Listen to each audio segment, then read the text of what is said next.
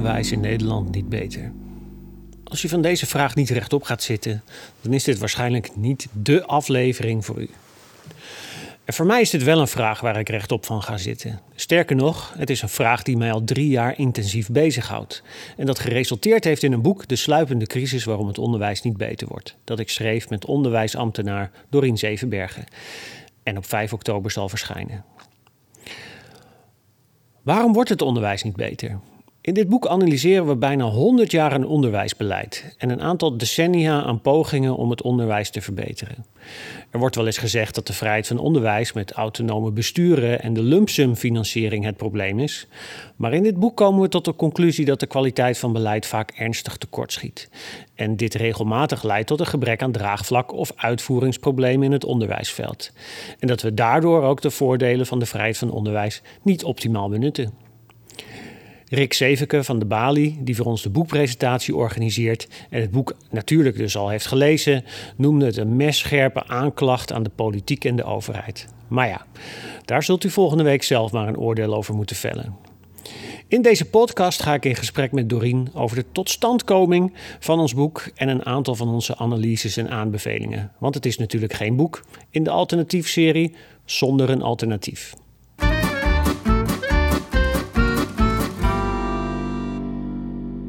Nou, uh, van harte welkom. ik zit hier met Dorien Zevenbergen en uh, we zitten in het uh, kantoor van beroepseer. Een hele toepasselijke plek, want dit is nou ja, waar heel veel van het beroepseer gedachtegoed, nou ja, waarmee gewerkt wordt en allemaal dingen ontwikkeld worden en over gepraat wordt. hier op, op, tafel ligt ook een hele stapel met beroepseerboeken, waaronder het Alternatief 2, die ligt hier nou bovenaan. En, uh, nou ja, en waar we het over gaan hebben is het uh, derde deel uh, van het alternatief. Al heet het niet echt het alternatief 3. Want dat zou voor mensen het idee kunnen, zouden kunnen, het idee kunnen hebben dat nou ja, je dan eerst de andere twee delen gelezen moet hebben. Sowieso schande als je sowieso deel 1 niet hebt gelezen natuurlijk, maar, maar het hoeft niet.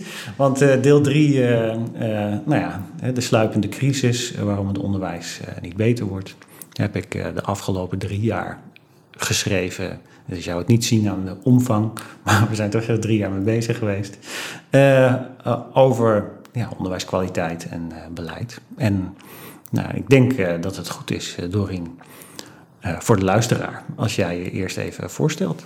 Ja, um, nou, Dorien Zevenbergen. Ik ben sinds inmiddels tien jaar onderwijsambtenaar. Uh, dat betekent dat ik uh, bij uh, verschillende organisaties heb gewerkt als, als beleidsmedewerker, specifiek, specifiek gericht op onderwijs. Um, ik heb daar na mijn studie min of meer bewust voor gekozen. Ik wilde eigenlijk toen ik afstudeerde in psychologie en filosofie, wilde ik filosofieleraar worden. Maar ik had, uh, kon echt niemand uh, meer vinden die nog een studie voor me wilde financieren. Dus een heel terecht reden om, om, om te stoppen. Um, dus ik kon niet direct, direct het onderwijs in wat ik eigenlijk op dat moment had willen doen. Um, en dacht, zo, als, ik, als ik dan al niet voor de klas kan, dan ga ik op een andere manier me bezighouden met, met het onderwijs heb toen gesolliciteerd bij uh, het ministerie van Onderwijs, of eigenlijk uh, voor het Rijkstraineeship, met de hoop dat ik daar terecht zou komen. Uh, dat is gelukt. inmiddels tien jaar verder. Ik heb mijn bevoegdheid voor filosofie um, in voortgezet onderwijs toch nog binnengehaald gedurende de afgelopen tien jaar. Dus een tijd um, als onderdeel van de opleiding voor de klas gestaan. Uh, met de gedachte dat ik als een soort hybride docent die twee functies naast elkaar zou gaan doen. Dat is om allerlei, allerlei redenen tot nu toe nog niet van de grond gekomen. Maar uh, mm -hmm. ik ben nog jong. Ja, dus ja. dat zit nog, uh, zit nog duidelijk in de planning om dat wel te gaan doen ja.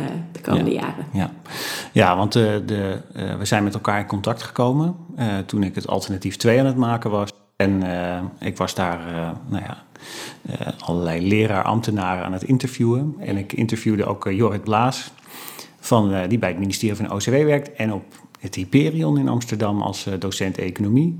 En die zei, ja, als je nog met één iemand gaat praten, dan zou dat Dorien Zevenberg moeten zijn. En ik kende je niet. En dus ik mailde je, ik zocht je op, een mailtje gestuurd. En nou ja, jij zat toen in Wenen. En toen hebben we via Skype en, of via, nou ja, wat was het, via de, de FaceTime was het volgens mij. Ja, hebben we toen een gesprek gehad. En daarin zei je een aantal dingen die ook in het boek terecht zijn gekomen. Ehm, maar ook een aantal dingen die niet in het boek zijn gekomen. Over nou ja, beleid en onderwijskwaliteit en, nou ja, al dat soort dingen. Waarbij ik dacht van, goh, ja, weet je, dit past eigenlijk niet in het boek. Maar uh, ja, voor een eventuele opvolger zou dat wel heel interessant kunnen zijn. En ehm, ja, dus toen hebben we eigenlijk een vervolgafspraak gemaakt. Ja, en toen werkte hij nog bij de inspectie. Dus hebben we bij de inspectie hebben we elkaar gesproken. En uh, ja, toen zijn we eigenlijk langzaam gaan werken aan uh, dit boek.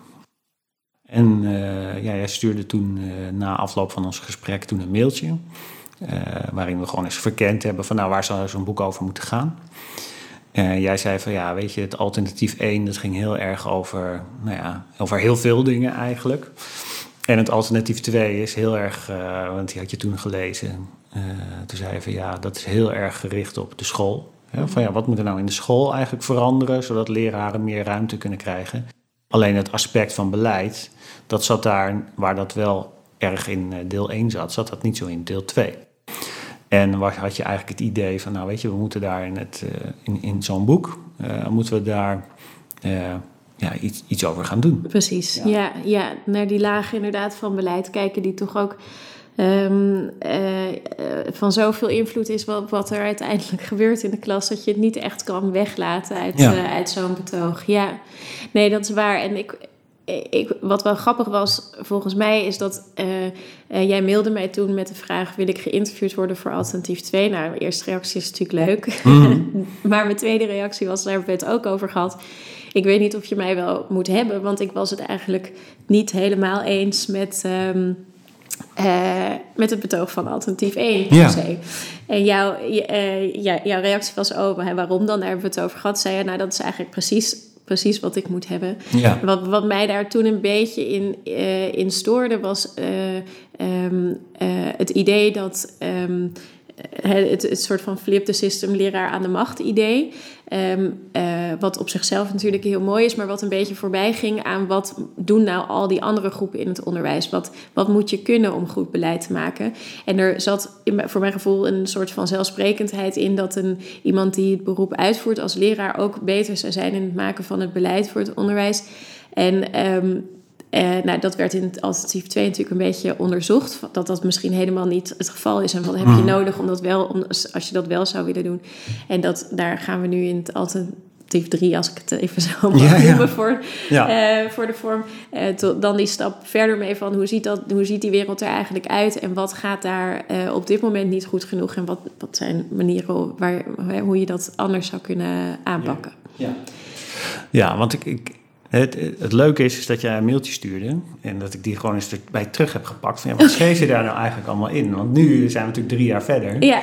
En denk, ja, wat zijn, waren eigenlijk de gedachten waar we mee toen zijn begonnen? Ja.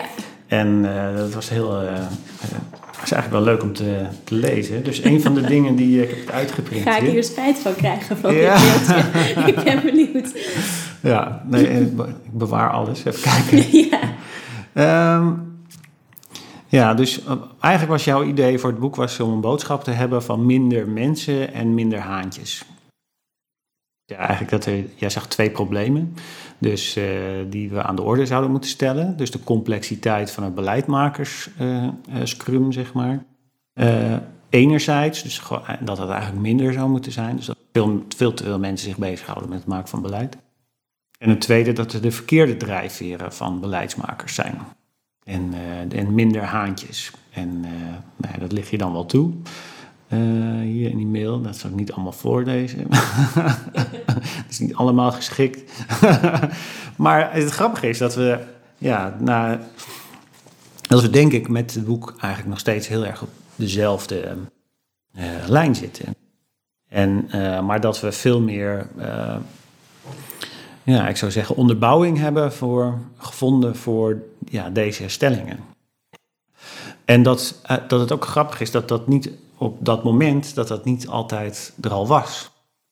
Ja, dus voor het hele pleidooi van eigenlijk zouden we iets moeten doen aan het beleidsmakersapparaat wat er is, te veel is. Uh, ja, daar is natuurlijk een onderzoek geweest van Edith Hoge en uh, Sietske Waslander en uh, Henno Thijs en volgens mij Sissi Pater. Uh, en dan vergeet ik nog iemand. Maar die hebben dus daar onderzoek naar gedaan, wat vorig jaar is uitgekomen. Ja, dat vormt ook wel weer een heel belangrijk onderdeel in ons betoog. Ja. ja, en hetzelfde geldt ook voor, nou ja, het, de, die informatie was er dan wel, hè, maar ook daar hebben we natuurlijk naar gekeken. van ja, dat er eigenlijk de verkeerde drijfveren zijn voor beleidsmakers in het maken van beleid. Die niet per se leiden tot dat betere onderwijs. Wat we zo graag zouden willen. Ja, dus ik, maar misschien is het goed om uh, gewoon even de, ja, de elevator pitch te doen voor het boek. want uh, ja, wij hebben het wel gelezen, hè, we zijn er uit een treuren mee bezig geweest. en, uh, maar ja, andere mensen nog niet natuurlijk. Ja, dus stel, als jij zou uitleggen waar dit boek over gaat, dan wat, wat zou jij dan vertellen? Ja, nou de titel van, van het boek, uh, uh, De sluipende crisis, waarom het onderwijs niet beter wordt, um, zegt eigenlijk veel over de zoektocht van mhm. het boek zelf, namelijk waarom het onderwijs niet beter wordt. Dus we constateren in het boek, niet, zo, niet zozeer wij, maar we, we laten zien hoe anderen constateren dat het uh, met de kwaliteit van het Nederlands onderwijs uh, niet vooruit gaat en misschien ook zelfs achteruit. Um, en tegelijkertijd um, zien we dat er talloze uh, adviezen, ideeën, uh, opdrachten worden geformuleerd voor het onderwijs door de maatschappij, de politiek, door uh, de overheid. dus er zijn zo ontzettend veel mensen die begaan met, met de kwaliteit van het onderwijs, die allemaal goed bedoeld ideeën hebben over hoe je het zou kunnen verbeteren. Maar tegelijkertijd zien we dat dus al die ideeën niet op zo'n manier in het onderwijs terechtkomen dat ze ook leiden tot die verbetering. En uh, nou, de vraag die wij hebben proberen te beantwoorden volgens mij is: um, uh, wat gaat daar mis? En. Um, we hebben, uh, wat je al zei, nu in dit boek met name gekeken naar hoe, hoe wordt beleid nou gemaakt en op, op welke manieren wordt het naar de school gebracht. En het, het belangrijke, de, de kern denk ik, die, die je uit het boek kan halen, is um, dat er echt twee lagen bestaan. Namelijk enerzijds de laag van, van het onderwijsbeleid van de overheid, de politiek, al die talloze organisaties die zich bezighouden met het, met het, het maken van het, van het onderwijsbeleid. Uh, dus dus dat, die werkelijkheid enerzijds en de werkelijkheid van, van de scholen en voor een groot deel van hun besturen en uh, nou ja, alles wat daar, daar natuurlijk rondloopt, de ouders, de leerlingen, alles. Uh, als andere, andere werkelijkheid. En het probleem wat wij constateren is dat die twee toch echt wel heel ver van elkaar afstaan. En dat zij bijvoorbeeld in, in tijd niet met elkaar in de pas lopen. Mhm. um, in, nou ja, en, en nou ja, in taal niet met elkaar in de pas lopen. En eigenlijk elkaar op die manier dus slecht kunnen vinden. Ja. En het, het zou natuurlijk een wonder zijn als er beleid wordt gemaakt in de ene werkelijkheid. Um, die dan uh, in de andere werkelijkheid op de goede manier mm -hmm. uh, uitpakt. Ja. Uh, en nou ja, dat wonder gebeurt dus ook niet zo heel regelmatig, nee. constateren wij in het boek. Nou, daar zijn een aantal, volgens mij, hele beeldende voorbeelden van waar, waar dat allemaal mis kan gaan. Mm -hmm. um, en gelukkig aan het eind ook een paar aanbevelingen. Uh, sommige wat makkelijker uh, over te nemen dan andere. In hoe je, hoe je dat een beetje zou kunnen, kunnen turnen. Ja. Ja. Ja, want wat we net al constateerden ook uh, in het gesprek wat we hadden voor deze podcast, is dat het best wel een ingewikkeld boek is, of niet voor iedereen. Het is, wij zijn natuurlijk een beetje beleidsnerds in die zin. Uh, hebben we drie jaar geleden ook al eens tegen elkaar gezegd. Ja. Dat wij dit echt een super tof onderwerp vinden. Ja. ja. ja. van nou ja, onderwijskwaliteit. Hè, en hoe kan beleid daar nou invloed op uitoefenen? Ja, ja. het is ook een super tof onderwerp. Om twee redenen. Het is, uh, het is het allerbelangrijkste onderwerp, uh, denk ik, waar je het over kan hebben, onderwijs. Het raakt iedereen en dat is ook een van de redenen waarom, uh, waarom er zo ontzettend veel goede ideeën en adviezen over onderwijs door de lucht vliegen. Mhm. en anderzijds, het is ongelooflijk ingewikkeld. Ja. en ingewikkelde dingen kan je dus blijkbaar drie jaar over praten voordat je het hebt opgeschreven. en dat, dat, maakt het, dat maakt het heel leuk, maar inderdaad, dat maakt dat het, eh, het eindproduct uh, is ook uh, ingewikkeld. Ja. Dus je moet ervoor willen zitten. Ja, ja. ja nee, het is, ja, zeg maar, ja, de structuur van het boek is eigenlijk zo dat je, het begint meer met een algemene bespiegeling. Hè, dus dat er heel veel ja, gevraagd wordt van de maatschappij en de samenleving van het onderwijs. En gevraagd wordt aan het onderwijs ook. En dan uh, ja, de vier hoofdstukken zijn dan. Hè, eerst is eigenlijk een historische blik. Hè, dus wat is er nou de afgelopen ja, 100 jaar? Je zou eigenlijk nog verder terug, terug, kunnen kijken. Maar de afgelopen 100 jaar gebeurt in termen van onderwijskwaliteit. En wat je dan ziet is dat er uh, eigenlijk ja, dat er gestuurd wordt op onderwijskwaliteit eigenlijk slechts een relatief eh, fenomeen is. Omdat het eh, pas ja, 50 jaar geleden pas echt een beetje eh, ja, begon. Daarvoor was dat, vond men dat eigenlijk helemaal niet zo interessant. En, maar ook dat er heel veel mislukt is in die afgelopen 50 jaar. En dat veel daarvan, ja, kan je zeggen, heeft te maken met de vrijheid van onderwijs. Ehm, ja, dat, dat is waar het eerste boek dan over, of het eerste hoofdstuk over gaat. En het tweede hoofdstuk gaat dan meer over ja, wat is er nou echt nodig om tot verbetering van onderwijs te komen? Als je gewoon kijkt naar onderzoek, wat is dan uh, ervoor nodig? In termen van, dat noemen we dan capaciteit, dus capaciteit opbouwen. Uh, en ja, daar zitten hele sprekende voorbeelden inderdaad in over bijvoorbeeld uh, ja, hoe het bijvoorbeeld komt dat, dat het aantal uren gym op de basisschool maar niet, nou ja, of te langzaam eigenlijk hoger wordt. Ondanks allerlei initiatieven daartoe. Dat heeft dan heel veel met capaciteit te maken. En het uh, derde hoofdstuk gaat dan over besturen en, uh, en het moeilijke onderwerp van de lumpsum. dus uh, nou ja, wat, is daar eigenlijk gebeurd met die besturen in, in de afgelopen, nou ja, zeker de einde 20e eeuw is natuurlijk een heleboel veranderd. En, en het vierde hoofdstuk gaat dan echt over beleid en hoe dat tot stand komt met nou ja, al die perspectieven die dan in die eerdere hoofdstukken hebben gestaan. Ja, en, en die al die hoofdstukken zijn heel erg, ja, heel rijk aan inhoud. Uh, is dat het, uh, ja, dat je, nou ja, wat ik al zeg, als je er in thuis bent, dan is het uh, heel fijn om te lezen. en ook als je er niet in thuis bent, is het vast fijn om te lezen. Maar misschien moet je dan nog een tweede keer lezen, omdat er gewoon echt heel veel in staat. En ja, wij, zij zit tijdens het schrijfproces zitten wij natuurlijk heel erg in. Maar uh, ja, nu bij de laatste ronde, zeg maar, dan uh, valt ons wederom op van ja, het, het is gewoon echt veel. En uh, ja, dus hè, dat is onze waarschuwing vooraf. En, lees het vooral, maar ja, het is wel een, een, aan de heftige kant. Ja. ja. mm -hmm. En ik dacht, misschien is het leuk om um, ja, toch stil te staan bij eh, dat laatste hoofdstuk. Want dat is uiteindelijk waar het ons eh, allemaal om te doen is. Het hoofdstuk over die, het beleid en hoe dat tot stand komt. En um, ja, dus. En jij zei al van ja, er staat eigenlijk zoveel in dat hoofdstuk. Waarschijnlijk gaan we allebei andere dingen daaruit halen. Ja, dus nou, wat zou jij van dat, dat hoofdstuk willen ja, bespreken? Ja, nou, Um, wat je zegt, uh, wat, wat er in de eerdere hoofdstukken uh, langs is gekomen aan hoe is het nou eigenlijk zo gekomen, waarom zit ons uh, systeem op een bepaalde manier in elkaar. nou, dat, dat wordt in hoofdstuk 4 eigenlijk losgelaten en dan wordt er gekeken naar wat gebeurt er echt in de, in de praktijk. En ik denk een belangrijk belangrijk is om te weten dat het, dat het uh, de manier waarop wij ons uh, systeem hebben georganiseerd, ons onderwijssysteem, en dan bedoel ik dus de manier waarop het wordt bestuurd, is echt wel uh, is echt heel uniek. Nederland heeft de, de, Nederlandse scholen, de Nederlandse schoolbesturen hebben ontzettend veel autonomie. Dat betekent dat, um, de overheid eigenlijk relatief op afstand is. dat, dat zit hem bijvoorbeeld in de financiering. Dus het gaat om een lump sum financiering. Er is redelijk minimale verantwoording die scholen of schoolbestuur in dit geval um, moeten geven over wat er precies met, uh, met het geld voor het onderwijs is gedaan. Nou, daar zijn natuurlijk ook genoeg uh, gesprekken over, want dat is uh, ook ingewikkeld.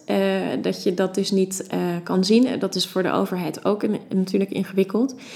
Um, en het zit in de vrijheid van de vorm van het onderwijs, vrijheid in inhoud, uh, vrijheid van stichting uiteraard, maar uh, um, uh, van welke kant je het ook bekijkt, Nederlandse scholen hebben, hebben veel, echt heel veel autonomie.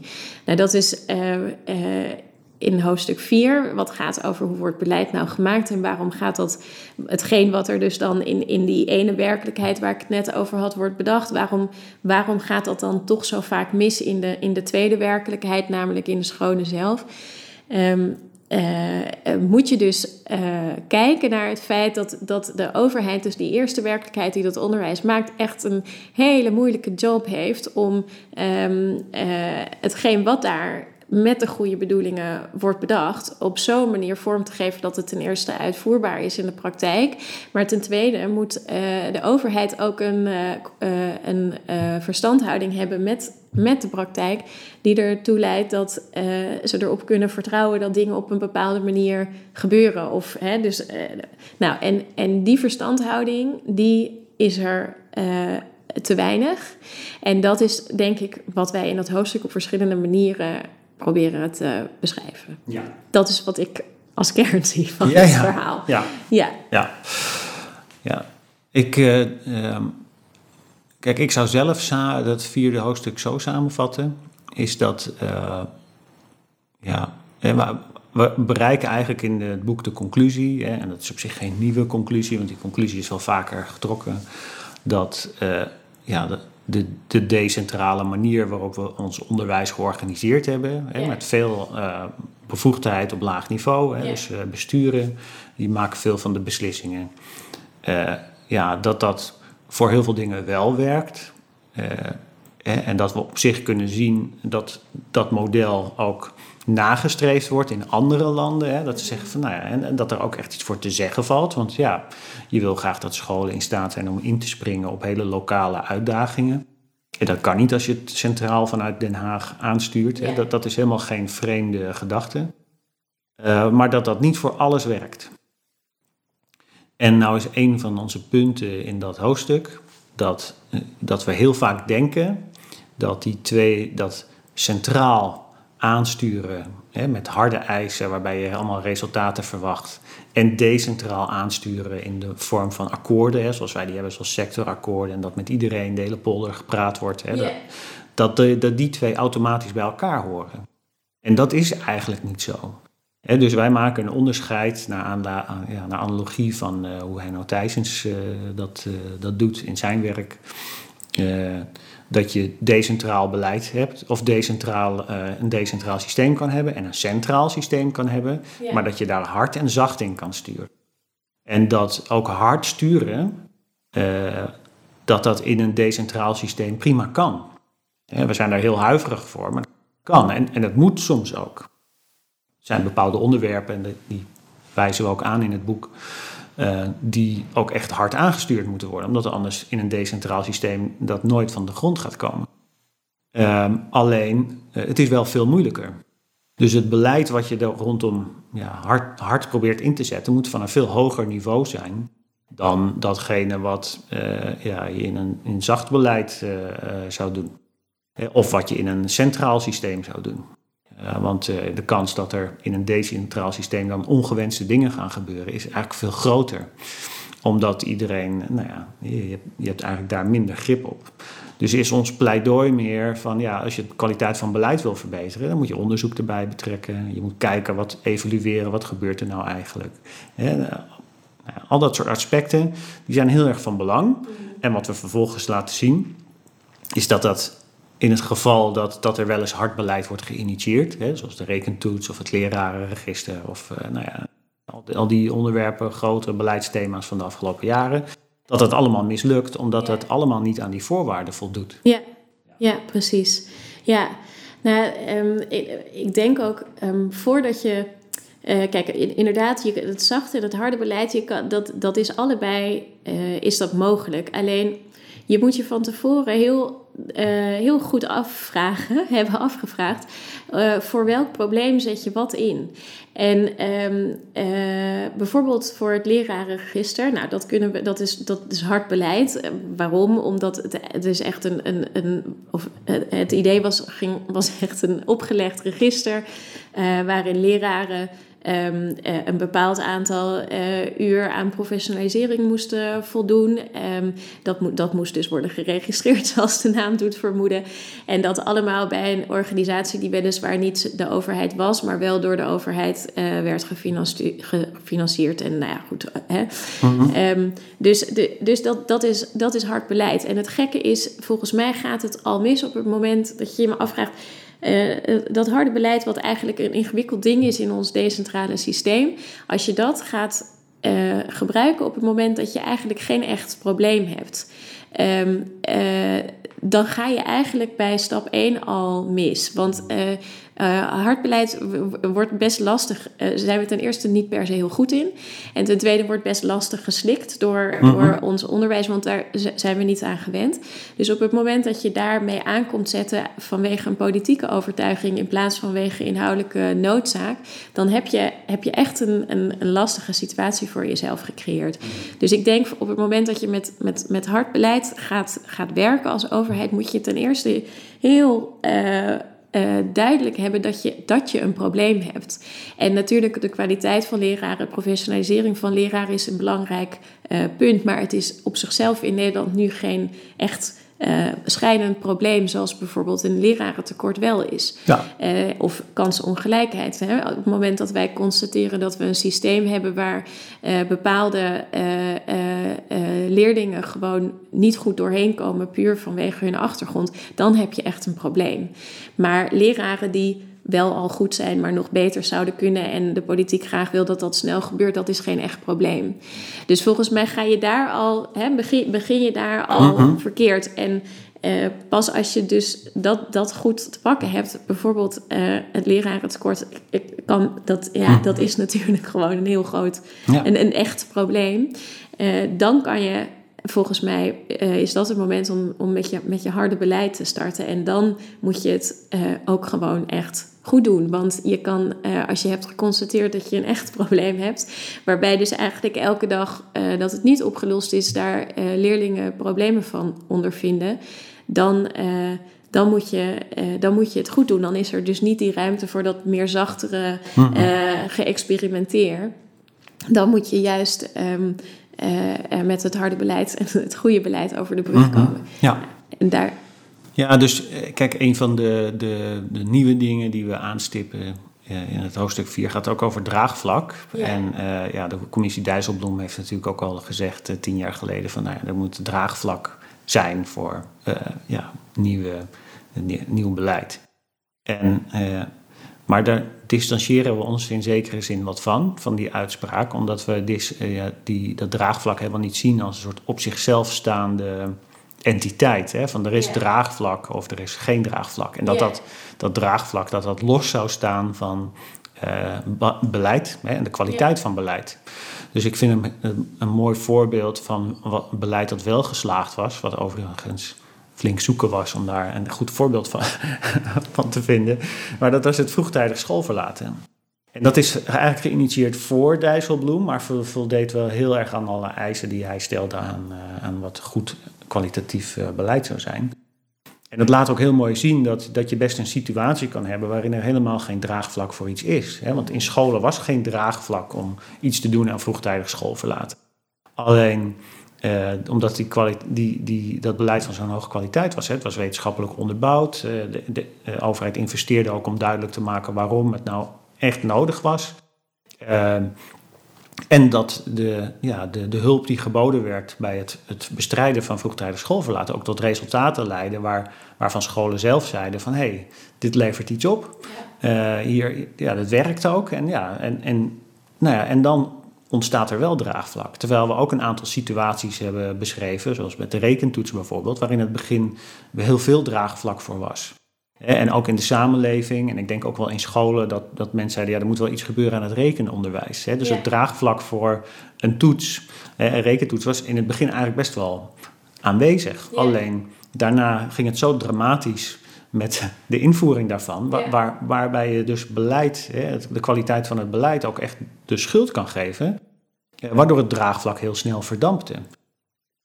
En Dus dat is denk ik een hele. eh, en en wat, wat interessant is, is dat eh, juist de manier waarop draagvlak geïnterpreteerd werd vanuit Dijsselbloem was eh, dat er bijvoorbeeld op OCW wordt gezegd van nou ja, eh, er, is, er is draagvlak, want we hebben die en die gesproken. Hè? Of de, en, en nog steeds de gedachte van ja, er is draagvlak voor een lerarenregister, want alle lerarenorganisaties die zitten in die onderwijscoöperatie en die zijn allemaal voor. Hè? Dus de, en dat is ook wel iets ja, waarvan Dijsselbloem zelf, hè, die commissie ook al zei van ja, dat hè, ook rond de invoering van eh, tweede fase of eh, eerste en tweede fase, hè, studiehuis en, eh, en de basisvorming. Waarbij ze zeiden, ja, er was vermeend draagvlak. De- ja, dus Ja, een ja. punt, en, en, en wa- wat jij daarover maakte ook, was dat, eh, dat, verwer- dat inschatten van wat is het draagvlak en hoe krijgen we nou draagvlak, hè, dat dat eigenlijk ook gewoon onderdeel zou moeten zijn van eh, ja, professionalisering van ambtenaren. Omdat dat juist in een systeem als het onze zo moeilijk is om in te schatten, ja, wat is het draagvlak hiervoor nou eigenlijk? Terwijl het wel van fundamenteel belang is voor het slagen van beleid. Ja, precies. Ja. En ehm, kijk, voor, eh, als, als ambtenaar, hè, je, dan begin je natuurlijk eh, ehm, eh, aan bijvoorbeeld een, ehm, een rekentoets of het beleid daar, daaromheen met, met de goede bedoelingen. Uiteraard, dat, dat, is, dat is het mooie aan het werken in Ja. onderwijs. Er is, er is geen groep aan te wijzen die niet met goede bedoelingen uit bed komt.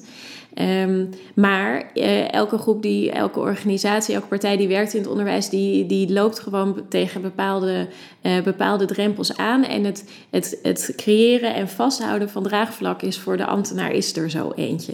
En dat komt eh, niet omdat alle ambtenaren niet snappen wat het is of het eigenlijk niet willen of wat dan ook. Maar omdat het echt ontzettend ingewikkeld is. Want ehm, er, nou, Nederland heeft in, het, in het basisonderwijs alleen ruim duizend schoolbesturen. Eh, waarvan de helft eenpitters eh ongeveer. Pak een beter, de cijfers zullen niet helemaal kloppen. Maar ehm, dus eh, op het moment dat je in het basisonderwijs iets, iets wil gaan, eh, gaan doen, eh, is het ja, met wie moet je, waar begin je dan? De situatie in, in Zuid-Limburg is nooit de situatie in Amsterdam. En duizend gesprekken ga je sowieso niet voeren. Dus Nee. nou goed. En, dus het is, het is echt een heel erg langdurig proces en echt een zoekproces van waar, waar moet je zijn. Nou, daar zijn natuurlijk allerlei dingen voor georganiseerd. In het geval van de schoolbesturen kom je dan uit bij de PO-raad in, in het basisonderwijs. Ehm, en, eh, eh, en daar voer je dan ook doorlopend, eh, doorlopend gesprekken mee, waardoor in, in, de, in de ene werkelijkheid een soort van gevoel van draagvlak inderdaad kan, kan ontstaan. Ehm, wat je alleen gewoon als ambtenaar niet moet vergeten is met dat gevoel van draagvlak in jouw werkelijkheidssfeer. ehm, ben je er gewoon echt nog niet.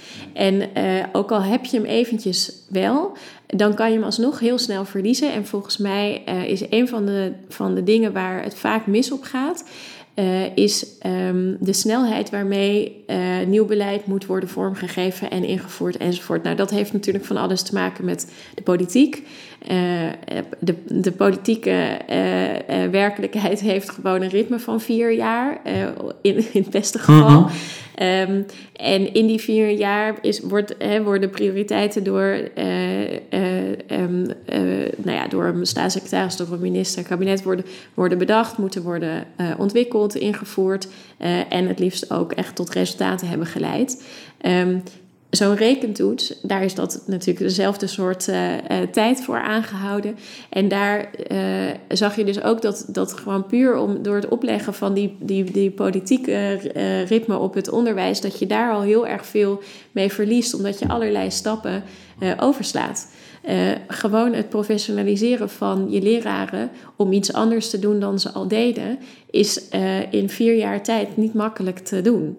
Laat staan om dan die professionalisering in zo'n snelvaart te hebben dat je ook nog al die andere dingen die nodig zijn geweest om, eh, om zo'n beleid zoals de rekentoets goed op een school te laten landen, dat je dat ook tegelijkertijd allemaal in op poten moet hebben gezet. Dus volgens mij is een van de, van de dingen die, die, die vaak misgaan, is gewoon echt het, de, de, het uit de pas lopen met elkaar. Ja.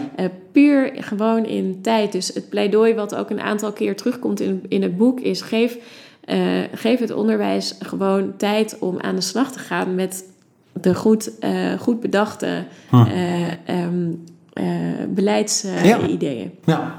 Ja. want ik denk dat dat ook ja, de toon is van het boek.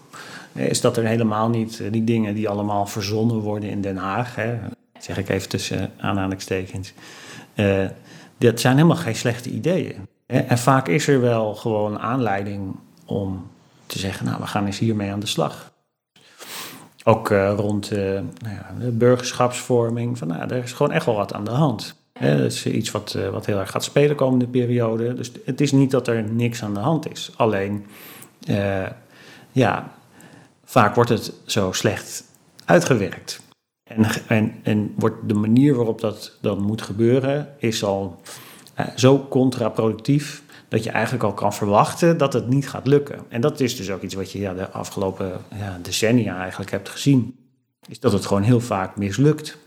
En dat uh, ja, het eigenlijk alleen nog maar dat we nog redelijk meedraaien als Nederland uh, in, de, nou ja, in de internationale ranglijsten hè, voor, wat, voor wat ze waard zijn. Uh, juist omdat we zoveel autonomie hebben en kunnen zeggen van nou weet je, we doen het wel anders, want we komen er zelf wel uit, want ja, van, van Den Haag hoeven we het niet te hebben. En, en inderdaad, kijk, als je gewoon kijkt in, de, in, in onderzoeken, hè, dan is een van de, ja, de, de dingen die je terugleest, is van ja, het duurt gewoon, als je stelt dat je nieuw beleid initieert, dan duurt het 8 tot 14 jaar hè, om, voordat het echt effect heeft. En daarvoor heb je wel een beetje effect, maar niet zoveel als na, na 14 jaar. Terwijl dat helemaal niet de politieke horizon is. Dus uh, nu ook als Van Engelshoven dan uh, ja, nieuwe minister wordt, die denkt van nou weet je, ik ga over hoger onderwijs, dus ik ga met die sectorraden ga ik zitten, de, de VSNU ga ik zitten en uh, de HBO-raad en ik ga afspraken maken. Nou, en die afspraken moeten dan binnen een half jaar gemaakt zijn. Ze neemt geld mee, zegt ze nou binnen een half jaar afspraken, dat moet dan geïmplementeerd worden meteen. Er moeten uh, allemaal nieuwe. Uh, ja, dat moet ook allemaal geëvalueerd worden. Want pas als je het evalueert, dan kun je zeggen, nou na zoveel jaar, of na vier jaar kan ik de oogsten hè, van wat ik gezaaid heb. En dan zeggen, kijk eens hoe goed ik bezig ben geweest. Dat het totaal onrealistische termijn is om iets te verlangen. Dus wat gebeurt er bij die besturen? Die gaan dan kijken van, ja, hoe kan ik het allemaal administratief oplossen? Zodat het lijkt alsof ik uh, ja, aan alle ambities uh, voldaan heb en mijn best heb gedaan. Maar ja, het is eigenlijk onmogelijk om dat echt te doen. En ik denk dat, ja, dat op een gegeven moment krijg je, als je dat te vaak meemaakt in het onderwijs, dat je een soort cynisme krijgt van ja, weet je, oké, nou is weer een nieuwe en uh, nou ja, het zal allemaal niet echt gaan veranderen. En de, en de echte problemen blijven buiten schot. Dat is natuurlijk wat je nu, zeker nu als, ja, ik zou zeggen, de, sfeer wordt. Hè, van nou ja, je kan wel komen met allemaal nieuw beleid en zeggen van nou we gaan nou weer eh, dit doen. Hè, maar uh, ja, we hebben gewoon lerarentekort. Ja, en uh, waarom doe je daar niet wat aan? Ja, ja. ja. En de grap is dan, denk ik, dat, uh, dat heel veel ja, het maken van beleid, hè, wat je ook vertelde, dat het zo gericht is op het verkrijgen van consensus binnen die polder. En dat uh, gewone echte de informatie van de praktijk en wetenschappelijke kennis, dat die daar eigenlijk daarbinnen niet zoveel toe doet. En eigenlijk ook een beetje als lastig wordt ervaren. En zeker als het consensus in de weg staat. Ja, um, ja inderdaad. Nou, wat. Um, ik vind dat wel, een, het is, dat is inderdaad een hele belangrijke. Dus informatie over uh, gewoon het vergaren van informatie over is het beleid wat je aan het, aan het maken bent kansrijk. Nou, mhm. dat, dat, dat, is, dat is wel iets wat natuurlijk wordt, wordt gedaan. Vervolgens uh, het evalueren van je beleid terwijl het gaande is. En dan dus ook bijsturen als je moet constateren dat wat je hebt opgetuigd uh, toch niet de, de, kant op gaat die, die, je eigenlijk zou willen. Um, wordt, al, wordt ook wel gedaan, maar al minder en is een, is een lastig ding ehm, eh, eh, voor, nou ja, voor de, de beleidsmaker. Dat, dat is het ook, want dat is natuurlijk je eigen je test op jezelf. Hè? Dat is altijd wel een, een lastig ding. Ehm, eh, dus. Um, maar de vraag is een beetje hoe wordt het nu, hoe wordt het nu gebruikt binnen het maken van het beleid? En ik denk ook uh, hoe wordt het nu gebruikt voor, van de onderwijs, van, van zeg maar werkelijkheid 1, van de overheidswerkelijkheid naar de schoolwerkelijkheid toe? Want ik denk, je zegt net, um, besturen, scholen worden een beetje beleidsmoe eigenlijk. Uh, er komt te vaak nieuwe ideeën die, die weliswaar goed zijn. Dus er is niet zo heel vaak over de inhoud echt hele grote uh, oneenigheid. Want het komt vaak wel ergens vandaan en het gaat allemaal naar uh, het doel van het betere onderwijs. Maar het, moet, het is gewoon niet meer te doen.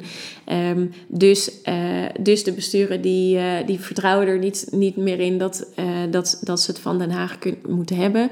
En anderzijds leeft er dan in, in, de, in de overheidssfeer soms het gevoel van waarom Hè, we, we, zijn het er toch over eens dat dit moet. Waarom doen, waarom doen die besturen en die scholen mhm. dit nou niet? Dus, um, dus dat is wat, wat die twee lagen niet aan elkaar hebben. Maar wat die twee lagen wel aan elkaar zouden kunnen hebben, is het juist het delen van dit soort, dit soort kennis. Het, het, het uh, elkaar vertrouwen op het goede gebruik van dit soort kennis en het delen van dit soort kennis. En uh, daar zou je elkaar zo ongelooflijk mee kunnen helpen. Want um, uh, als, je, als de scholen de Stel nou, je begint een rekentoetsbeleid in het klein. He, een van de fouten die, die is gemaakt, dat het gewoon van de ene op de andere dag moest het eigenlijk landelijk worden. Uh, uh, was het landelijk geïmplementeerd met alle gevolgen van die voor leerlingen, voordat je het eerst klein hebt kunnen uitproberen en te kijken wat er, wat, er eigenlijk, um, wat er eigenlijk gebeurt. Terwijl als je die tijd had genomen en de wereld van, het, van de uit, uitvoering wereld van de beleidsmakers hmm. dicht genoeg bij elkaar had gezeten om die informatie goed te verzamelen en goed met elkaar te bekijken, dan had je natuurlijk heel wat problemen kunnen voorkomen op het moment dat je het groter uitrolt, omdat je dan de, de, de eerste bugs er al uit hebt kunnen halen. Ja maar zo te zeggen. Dus het, het, het vergaren en het delen van die informatie, dat is iets wat volgens mij niet, niet uh, puur de verantwoordelijkheid is van de overheid, maar verantwoordelijkheid is van, van, van beide lagen. en juist het ding is waar ze elkaar op zouden moeten kunnen vinden, namelijk hmm. die, die inhoud. Uh, we zijn het vaak eens over de doelen. We zijn het uiteindelijk eens over wat er niet goed is gegaan. Maar uh, in dat proces, als je dat met elkaar uh, beter zou kunnen vormgeven, dan, dan kan je elkaar gewoon um, ja. op het juiste pad houden. Ja, nou ja en, en ik ervaar heel vaak ook een soort kramp van ehm, dat beleid ook moet slagen. En dat iedereen daardoor in, echt in een kramp zegt, ja, het moet lukken, weet je wel. En, het moet, eh, en als het dan niet lukt, dan moet het lijken alsof het gelukt is. Maar het, het kan niet zijn dat, dat het niet lukt. Terwijl wat, wat veel belangrijker is op dit moment, is niet per se dat het beleid slaagt, maar dat we vooral leren van waarom het wel of niet lukt. En dat dat lerend vermogen heel erg afwezig is op dit moment. Dus nu wordt eigenlijk dat probleem, hè, dat ik zou zeggen, er zijn heel veel dingen in het boek die je de een sluipende crisis kan noemen. Hè, en, maar voor mij is dat zeg maar de hoofdthema, is dat het probleem daardoor ook steeds erger wordt. Want uh, het, wordt, het gevoel van, ah, dan komen ze weer aan in beleid met wat, nou het zal toch wel niks worden. Nou, en dan blijkt ook vier jaar later dat je gelijk hebt. Hè, want uh, nou, hè, al die scholen die dachten, oh dat lerarenregister of die rekentoets, hè, dat wordt niks. Nou, allemaal groot gelijk gekregen. En degene die denken die curriculumherziening zal wel niks worden. Nou ja, kans is heel groot dat dat toch op niks gaat uitlopen. En uh, ja, wat ik eigenlijk wil is niet per se dat dit soort dingen allemaal per se slagen. Hè, maar de ambitie moet zijn van ja, hoe kunnen we hier nou het meeste van opsteken zodat het de volgende keer beter gaat. En dat is nu ook afwezig, juist door die hele korte termijn. Dus het is alleen maar hè, zoeken naar, oké, dit, dit lukt. Hè, wat, wat, kunnen we laten zien aan goede resultaten? En ja. uh, oh, er is vast wel ergens een school waar het wel is gelukt, dus dan gaan we die naar voren schuiven. en, nou ja, en dat is gewoon denk ik niet de dynamiek waar je met z'n allen in moet zitten. En uh, ja, eh, ik merk dat ook, hè, als je bijvoorbeeld uh, hebt over die curriculumherziening bijvoorbeeld. Hè, waar, nou ja, bijvoorbeeld, we zijn bezig met een adviestraject over curriculum, uh, curriculumherziening en met de onderwijsraad. En ik merk gewoon in gesprekken, met, vooral met mensen ook die daarmee bezig zijn, is van, nou ja, de onderwijsraad is natuurlijk heel onafhankelijk. Hè, wij kijken gewoon naar dingen en nou ja, we gaan daarover adviseren. En, uh, en, als ik vertel van ja, weet je, het is niet uh, dat, we, dat, dat ik vind dat dit traject meteen perfect moet zijn. Hè, maar de, vooral van ja, wat kunnen we hier nou van leren? Stel dat we het nog een keer gaan doen, wat kunnen we dan leren zodat het beter gaat? Hè, dat je een heel ander gesprek hebt. En uh, want ja, uiteindelijk kunnen we natuurlijk wel allemaal de ambitie hebben dat het allemaal moet slagen. Maar er is de afgelopen 50 jaar zo weinig gelukt. Dat het heel vreemd is dat we dat nog steeds als ambitie zo hoog houden. Dan denk ik, ja. Ja. Ja, eh, ja, klopt. Ja. Nou, ehm, het is wat, er, wat je natuurlijk ook vaak ziet gebeuren, wat ik in mijn werk ook wel frustrerend heb gevonden, is eigenlijk uh, heb ik het gevoel dat, de, dat uh, het werk van de beleidsmaker stopt ook eigenlijk te vroeg. Want je hebt het beleid um, uh, ontwikkeld, draagvlak, politiek door enzovoort. En dan um, dan moet het gaan gebeuren. En, en op dat moment neem je eigenlijk een stapje terug. En dan, wordt, dan, dan, dan komt er een soort periode van wachten. Ja.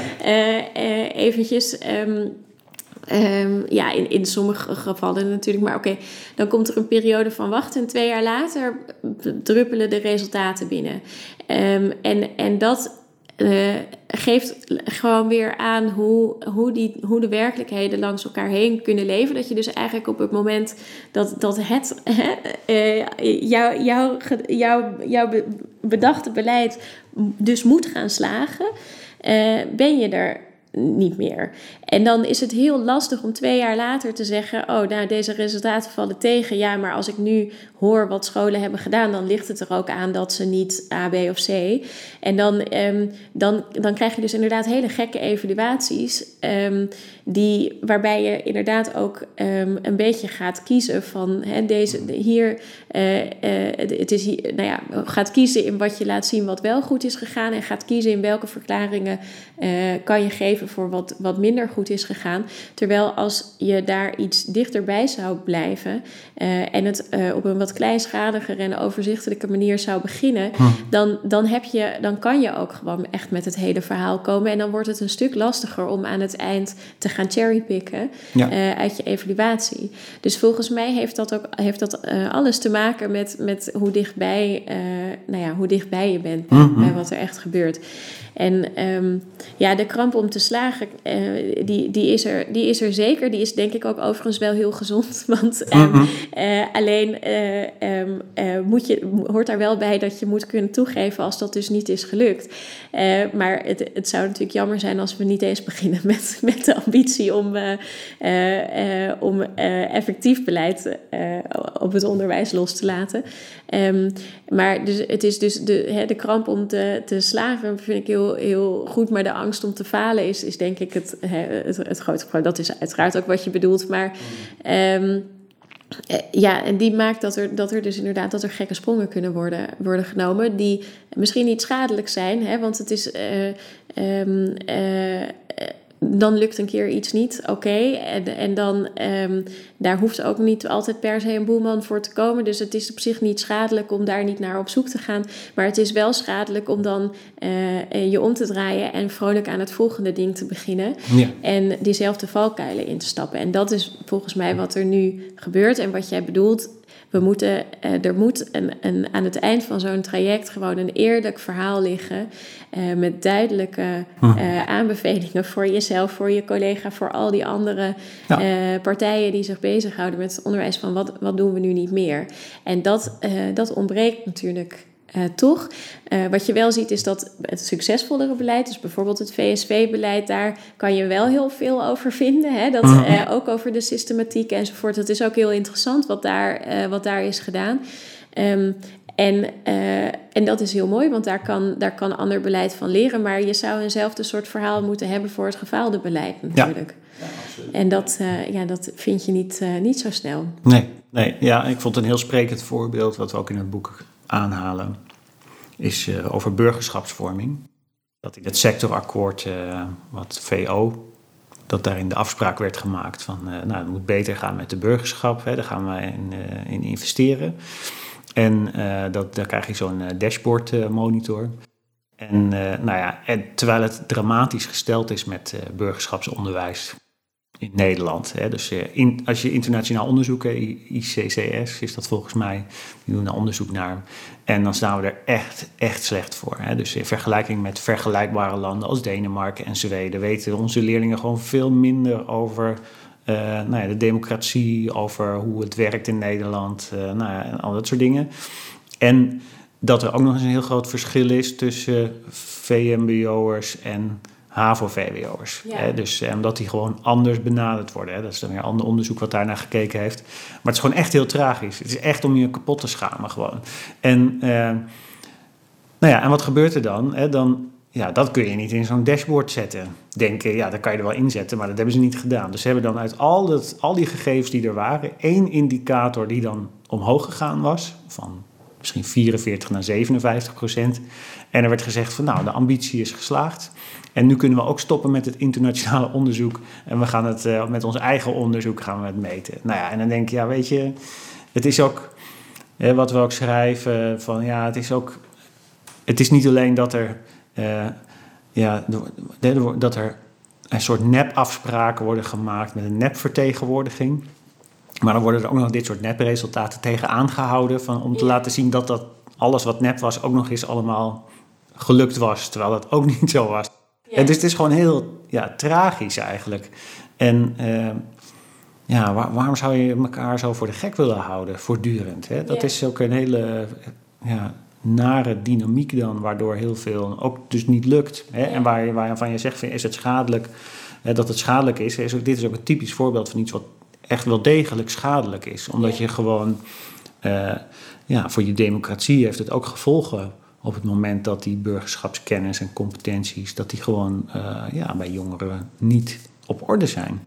Dus daar ligt gewoon wel een groot risico. En dan is het zo dat als schoolbesturen of scholen daar wellicht te weinig aan doen, dat je je dus moet afvragen van oké, hoe kunnen we er nou voor zorgen, hè, met misschien wat harder ingestoken beleid, dat dit daadwerkelijk wel gaat verbeteren. En ik denk dat, het, dat zoiets geldt bijvoorbeeld ook voor gelijke kansen. Mm Die kansengelijkheid, dan wordt er vrijwel automatisch wordt er gekozen voor weer zacht beleid. Hè? Van oh, het gaat niet goed met de kansengelijkheid, dus we gaan een gelijke kansenalliantie oprichten. En dan gaan we met elkaar praten over hoe het allemaal beter kan en goede voorbeelden uitwisselen. Mhm. En dat is een prima strategie voor heel veel dingen, maar voor dit niet. En als je nou kijkt in onderzoek van ja, wat, hoe komt het nou, hè, die, die, die kansgelijkheid? Dan heeft natuurlijk bijvoorbeeld, eh, ja, dan is best wel aanwijsbaar waar, waar dat precies in zit. Eh, en eh, kijk, in ons boek hebben we dan een pleidooi voor, eh, eigenlijk moet je niet op de vier jaar, maar juist afspraken maken voor over tien jaar. Eh, en dat dat voor hard beleid bijvoorbeeld ook heel erg ja, beter zou uitpakken. Want een van de problemen die we natuurlijk hebben als het gaat over kansgelijkheid, dat zijn de, bijvoorbeeld categorale scholen. Dat er te weinig opstroommogelijkheden zijn voor leerlingen. Dat als je eenmaal ergens op een school zit, dat je niet zo snel meer weggaat. En uh, ja, het verdwijnen van dakpanklassen, dat zijn bijvoorbeeld hele duidelijke redenen waarom die kansengelijkheid minder is geworden. Nou, dan denk, vind ik dat je als overheid moet zeggen, hè, want dat is gewoon even mijn hele particuliere opvatting hierover, dat je eigenlijk moet zeggen van ja, weet je, over tien jaar dan zijn er geen categorale scholen meer. Uh, en dan zijn er overal uh, misschien de eerste twee jaar of de eerste drie jaar. En ja, daar heb je als, als scholen en als besturen heb je daar gewoon geen keuze over. Want ja, in je, in je eentje gaan jullie dit probleem niet oplossen. En dit is wat er nodig is. Nou ja, maar we geven jullie wel tien jaar de tijd om, om qua personeelsbeleid, eh, qua investeringen, qua allerlei andere dingen, om dit te gaan doen. Um, en dan is het misschien wel een bittere pil om te slikken voor categorale gymnasia. Hè, of, maar uiteindelijk geef je ze wel voldoende tijd om zelf tot uh, verandering te komen. Hè, en, om de, en om het te gaan doen zoals past bij jouw organisatie. Terwijl als je uh, ja, dat bijna in, in drie jaar zou verwachten, ja, dan is dat echt vragen om problemen. Ja, want, Nou ja, en je, je zegt nog wel iets, iets belangrijks, vind ik, wat we nog niet eerder hebben gezegd. Kijk, bij dit soort, dus het, het harde beleidsidee. we zeiden eerder, daar moet je alleen aan beginnen als je echt een probleem hebt. Nou, dat, dat heb je met, met kansongelijkheid. Dat, ik denk dat, dat, wel, uh, dat iedereen het daar wel uh, mee eens is. Um, uh, en uh, zo, uh, het, is, het is echt een systeemprobleem. En je zegt net, uh, in je eentje ga je dat niet oplossen. besturen in hun eentje gaan dat niet oplossen. Besturen in een regio samen ook niet. Um, uh, en dat, daar heeft, dat heeft allerlei redenen. Dat is ten eerste, het is heel erg moeilijk. Bestuurders die doen heel veel andere dingen. Bestuurders die, uh, uh, die werken voor hun, hun scholen uiteraard. Dus het is helemaal niet vanzelfsprekend dat die bestuurders makkelijk over hun eigen um, nou ja, hekken heen kunnen stappen en met elkaar zo'n probleem kunnen aanpakken. Dat is ook helemaal niet hoe wij besturen tot nu toe hebben georganiseerd en geprofessionaliseerd. We verwachten het af en toe uh, ineens van ze. Best, best snel passend onderwijs. Hè. Daar wordt dat bijvoorbeeld wel van bestuurders gevraagd om uh, veel meer uh, met elkaar te werken. Maar dat, dat is hartstikke ingewikkeld. Dus je vraagt dan eigenlijk ineens van een, van een bestuur of alle besturen samen om het werk te doen wat eigenlijk bij de Rijksoverheid hoort. Namelijk het landelijk, de landelijke visie te niet alleen te hebben, maar ook inderdaad met elkaar tot uitvoering te brengen. En dat gaat natuurlijk gewoon niet lukken. En het is, uh, het is een verkeerde zet, denk ik, op het moment dat je echt een probleem hebt. En de oplossing voor je probleem zit hem, er, zit hem echt in een soort landelijke um, uh, het draaien aan nou ja, vijf uh, verschillende landelijke knoppen tegelijk. Hè. Als, doorstroom is ook niet één ding. Daar moeten heel veel scholen heel veel um, aanpassingen voor doen. Wil je dus inderdaad komen tot de situatie die jij schetst. En op het moment dat je, dat, dat, dat je oplossing is, kan je dus niet volstaan met, een, met, met, met zacht beleid uh, eigenlijk. En um, ja, waarom, waarom dat nou niet, waarom daar de handschoen dan niet wordt opgepakt, is, is soms, ja, is, vind ik echt een, toch een tekortkoming op dit mm -hmm. moment. En um, uh, en het is gewoon gek om te zien. Het is moeilijk om te zien dat dat soms wel gebeurt op, uh, op dus inderdaad op onderwerpen waar uh, het probleem niet zo groot is. Waarbij scholen en besturen zelf misschien wel heel goed eruit zouden kunnen komen. Juist met gesprek en, enzovoort. En, en nou ja, dat schuurt zo, zo ontzettend. Um, dus ja, ja, dus belangrijk vind ik eigenlijk dat, dat je als overheid gewoon goed moet kunnen inschatten wat, wat kan je wel en wat kan je niet vragen aan een, aan een uh, gedecentraliseerd autonoom ondersysteem, uh, onderwijssysteem zoals wij dat hebben. En volgens mij springen we soms uh, op het verkeerde moment op de verkeerde strategie. Ja, ja en ik denk dat, dat je dat ook op ja, dat je dat ook steeds weer terugziet. En dat daar ook uh, in zekere zin ook de onvrede vandaan komt. Als je bijvoorbeeld ja. kijkt naar het lerarentekort. Een lerarentekort is echt, vraagt heel veel strategie om dat goed op te lossen. En dan, ja, dan, dan kun je eigenlijk niet verwachten dat dat regionaal wordt opgelost. Hè, zoals de minister nou ook weer voorstelt. Het vereist gewoon echt een landelijke aanpak. En ook om eens goed te kijken naar bepaalde wet en regelgeving. Eh, kijken waar dat verbeterd kan worden om uh, ja, toch ook weer nou ja, allemaal dingen op te lossen. Dus, en, en dat gebeurt dan steeds niet. En inderdaad, sommige dingen die worden dan echt landelijk opgelegd, waarbij je denkt, nou ja, wat, wat is nou de aanleiding om dit te doen? Dus ook, en, en aan de andere kant, uh, ja, soms denk ik wel eens, uh, als het nergens over gaat, dan is het misschien nog makkelijker om te zeggen: we gaan een hard beleid uh, inzetten. Yeah. De, en als het echt ergens over gaat, dan je denkt: nou, nou, nou kan ik echt heel veel, uh, uh, dit kan me heel veel kleerscheuren opleveren. Mm -hmm. Of gezichtsverlies, dat je dan juist zacht insteekt. En, want dan is het ook niet helemaal jouw verantwoordelijkheid als bewindspersoon, hè, of, of, wie er daar nou ook maar mag, over mag gaan, dat het niet gelukt is. En ik denk dat daar ook een, uh, uh, ja, ook juist omdat er zo, ja, omdat zoveel beleid mislukt, dat je echt wel een paar keer goed nadenkt yeah. voordat je iets in werking uh, zet. Ik, ik, heb zelf ook van wat dichterbij ook de af, gezien hoe dat ging bij de curriculumherziening, de aftrap daarvan, zeg maar. En ook, nou ja, ook bij zo'n ministerie dat daar best wel over iedereen over een paar drempels heen moet. Van ja, is dat nou ja, zullen we dit nou wel doen? Want uh, ja, het is best wel een, een fix uh, traject. Hè? En de kans dat het niet, niet goed gaat is toch ook wel aanwezig. Hè? Nou, en, dat, ja, en, dat, en dat willen ze dan ook niet. Ja, terwijl er toch ook heel veel aanleiding was om het wel te doen. Ja, en ik denk dat zou ik zeggen, hè, kijk, ons boek gaat helemaal niet zo over inhoud. Hè, of, uh, net als alternatief 1 en alternatief 2, dat gaat niet zo over, ja, en wat is goed onderwijs dan? Ja, wij, zeggen, wij hebben eigenlijk alleen maar een pleidooi van, ja, stel je wil het anders of je wil het beter. Wat, wat is daar dan voor nodig? Maar niet per se over wat, hoe dat dan eruit ziet. Hè? En dat is echt wel in geest met de eerdere boeken. Um, maar stel dat je dat wel zou doen, dan is die curriculumherziening, dat zou bijna een hoofdstuk 5 zijn, zeg maar. Of iets ja, waar je dit boek tegenaan kan houden. Van ja, goh, eh, je wil echt dat er ander onderwijs komt in, in scholen. Uh, en uh, waarin gewoon ook een aantal dingen zitten die scholen nu nog niet doen. Bijvoorbeeld die digitale geletterdheid in basisscholen of Engels op een basisschool. daar schrijven we wel een beetje over. Maar ja, en, en wat is daar dan voor nodig om dat daadwerkelijk te realiseren? Ja, Als we zeggen van nou, dit is ook echt een goed idee. Hè, maar, nou, ik denk dat dat ook wel te beargumenteren is dat dat ook zo is. Nou, wat, wat is daar dan voor nodig? Ja, en dan denk ik dat, er, dat we toch in die aanbevelingen, dat, er, dat daar heel veel in zit. Hè, zoals van, nou ja, doe nou eens niet korte termijn, hè, maar denk eens over tien jaar. En uh, wat ik ook al relatief korte termijn vind. ja. ja. Maar uh, geef gewoon de tijd. Want school, wil je duurzame verandering in het onderwijs, hè, dat het ook echt verandering is, dan weet je gewoon dat het lang gaat duren. Er is geen, bijna geen voorbeeld te verzinnen waarin dat, lang, waarin dat heel snel zou kunnen gaan. Nee, nee. Ja.